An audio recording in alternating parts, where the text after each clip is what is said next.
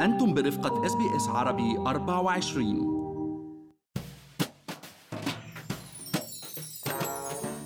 إذا كنتوا مقبلين على مشروع ارتباط قريبا فهل فكرتوا أو خططتوا كيف رح تديروا سوا أوضاعكم المالية؟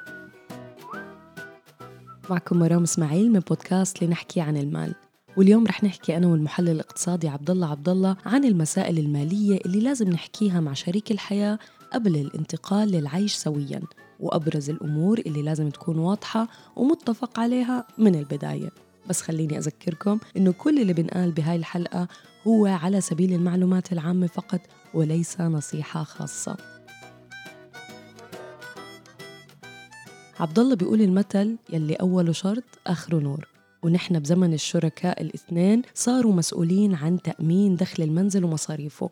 وبظل الضغوطات المالية اللي عم نتعرض لها يوميا وارتفاع تكلفة المعيشة على كافة الصعد صار من الضروري أنه نحكي مع الشريك عن كيفية إدارة الأمور المالية بأوائل مراحل العلاقة. مرام اليوم آه، يعني كل إنسان آه، عنده فلسفته آه، طريقته للتعامل مع المال وبيحط أهداف قصيرة الأمد وطويلة الأمد. الاتفاق على نظرة موحدة لإدارة المال ووضع أهداف مشتركة بأول الطريق مسألة ضرورية لبناء علاقة قوية بين الشريكين.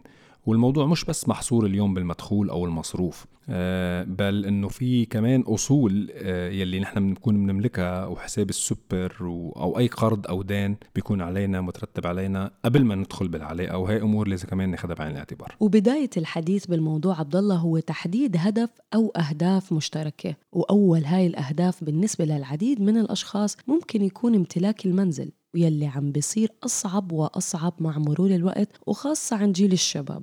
مزبوط والصعوبة هي أكثر شيء عم بتكون بالدفعة الأولى اليوم اللي هي العقبة الأكبر وخاصة بالمدن الكبرى. لهيك يعني إذا كان هدفنا امتلاك منزل آه، لازم مثل ما بيقولوا نشد الحزام وندرس مصروفنا بشكل جيد ونعمل جدولة وخطة لتسكير أي دين مسبق نحن كان فايتين عليه كأفراد يعني لنقدر نوفر ونجمع هالدفعة الأولى. يعني مثلا اليوم مرام بمدينة سيدني صار معروف أنه متوسط سعر المنزل ال median هاوس برايس.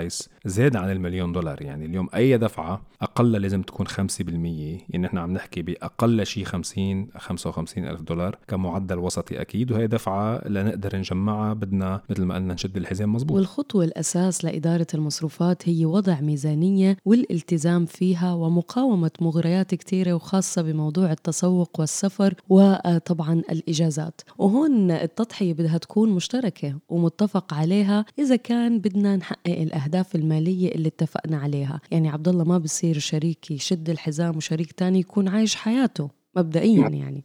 صحيح هي الأمور هي شراكة يعني بطبيعة الحال شراكة. واليوم في طريق تاني بيتبعوها اجمالا الناس. يا أما بتكون حساباتهم البنكية كلها مشتركة يعني الحساب الجاري وحساب التوفير وبيتم إدارة كل المصروفات من الحساب الجاري وأي savings بتضل بتروح على حساب التوفير. يا أما كمان في بعض الأشخاص بفضلوا إنه كل شخص يحتفظ بحسابه الخاص وساعتها بيتم الاتفاق على توزيع المصروفات. يعني مثلا حدا بيدفع فواتير التسوق وايجار المنزل والطرف الثاني بيدفع فواتير المي والكهرباء والإنترنت. هيدي أمور مهمه كتير يكون ينحكى فيها وبتفاصيلها بمرحلة قبل الزواج. وممكن أيضا الاشتراك بحساب بطاقة ائتمان مشتركة وهذا الشيء بيساعدنا نحصي المصروف بشكل أسهل وأيضا نوفر بالرسوم على البطاقات. ومعظم البنوك اليوم بيعطونا بطاقتين بحساب مشترك ومن دون رسوم على البطاقة الثانية. ونتذكر إنه حساب بطاقة الائتمان هو حساب دائن يعني الطرفين بيتحملوا مسؤولية الدين اللي على البطاقة. لهيك هاي آه، من الأمور الضرورية اللي لازم نتفق عليها مسبقا وبشكل واضح مثلها مثل أي قرض مشترك منقدم عليه. وخاصة أنه مسؤولية الدين اليوم على البطاقة آه، مش بس هو لتسديد المبالغ المستحقة على هذا الدين بل آه، كمان أي تأخير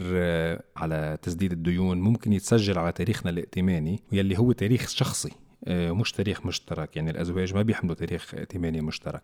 ونحن كمان كنا حكينا بحلقة سابقة عن أفضل السبل لبناء تاريخ ائتماني جيد وأهمية هذا الموضوع على أي مشروع استداني مستقبلي بسبيل الاستثمار بقرض منزل أو أي قرض استثماري آخر. في خيار بقدموه البنوك عبد الله وهو بيكون حساب البطاقة الائتمانية باسم شخص واحد وفي بطاقتين أساسية وفرعية. ساعتها أحد الطرفين بيكون مسؤول عن البطاقة وبإمكانه إيقاف العمل فيها إذا اقتضت الضرورة دون الحاجة لموافقة الطرف الآخر. وأكيد هون يعني هو بيكون المسؤول عن الديون المترتبة على البطاقة. اليوم الدخول بأي عملية استدانة مشتركة بحاجة للثقة المتبادلة والوضوح بتوزيع وتحمل المسؤوليات. أكيد وخاصة بموضوع الأصول يلي بنملكها اليوم آه، قبل الارتباط مثل العقار أو حساب السوبر. ونحن بإمكاننا نعمل اتفاق مع الطرف الآخر للاحتفاظ كامل الحقوق في حال لا سمح الله الخلاف بعد الزواج والاتفاق هذا معروف باسم ال prenup وهو بيحدد مسبقا آه، كيف بتم عملية توزيع هاي الأصول والأمور المالية آه، في حالة الاختلاف مثل ما قلنا. ولازم يكون هذا الاتفاق موقع من الطرفين بحسب الأصول وأكيد عند آه، محامين مختصين بهالمواضيع ونحن بإمكاننا اليوم إذا بدنا نعمل prenup نستشير أهل الاختصاص لمعرفة كيف التفاصيل الضرورية لتوقيع هذا الاتفاق. وعند الارتباط من الضرورة أيضا تعديل الوصية وإدخال الشريك كأحد المستفيدين من الورثة ونحن كمان حكينا بتفاصيل الوصية بحلقة بودكاست سابقة. إذا حابين ترجعوا تسمعوها ولابد أيضا من تعديل بوليصة التأمين والدخول ببوليصة مشتركة لأنها بتوفر علينا مبالغ أكثر ما نبقى كل واحد على بوليصة منفردة. أكيد. واليوم الموضوع آه، الثاني هو إذا بدنا نحن الشريك يكون مستفيد من حساب السوبر تبع تبعنا في حالة آه، وفاة. آه، لازم ما ننسى إنه نعبي استمارة ال beneficiary nomination مع صندوق السوبر. هلأ بما إنه عم نحكي عن السوبر مرام آه، قانون السوبر ما بيسمح اليوم إنه نفتح حساب مشترك. بين الشريكين إلا بحالة يكون حساب سوبر بإدارة ذاتية يعني يلي بيقولوا له self managed super fund أو ال SMSF اليوم ما كل الناس عندها الخبرة الضرورية لإدارته ولكن بيبقى خيار يعني إحنا ممكن نلجأ له والمحاسب الخاص تبعنا بيساعدنا نفتح هيك نوع من حسابات السوبر المشتركة وبيكون ساعتها الشريك بيدخل بهذا الحساب ك trustee. واليوم حسابات ال super self managed super fund فيها في يكون عندها up to four trustees يعني. لهيك اليوم الشريكين ممكن يفتحوا آه، حساب مشترك بهالطريقة. وما بدنا ننسى إنه حسابات ال tax السنوية بتفرق بحالات المتزوجين وأكيد يعني كمان حسابات ال Centrelink أو أي منح من ال Centrelink بتصير تخضع لحسابات آه، مدخول الزوجين مجتمعين. يعني مرام آه، الارتباط بشريك الحياة هو التزام طويل الأمد ومثل ما قلنا توضيح الأمور المالية ببداية والاتفاق على إدارتها بشكل واضح بيساعد كتير آه، لنحن أن نبني علاقة ثابتة وقوية ومستعدة لمواجهة مصاعب الحياة بشكل أثبت وأعقل. صحيح عبد الله ونحن بنتمنى لمستمعينا المقبلين على الزواج حياة مليئة بالرفاه والسعادة والاستقرار المالي مع تمنياتنا لهم بتحقيق جميع أهدافهم خصوصا المالية. خليكم معنا مستمعينا في بودكاست لنحكي عن المال. لنواكب كل المستجدات اللي بتهم حياتنا المالية والعملية في أستراليا. هل تريدون الاستماع إلى المزيد من هذه القصص؟ استمعوا من خلال أبل بودكاست، جوجل بودكاست، سبوتيفاي أو من أينما تحصلون على البودكاست.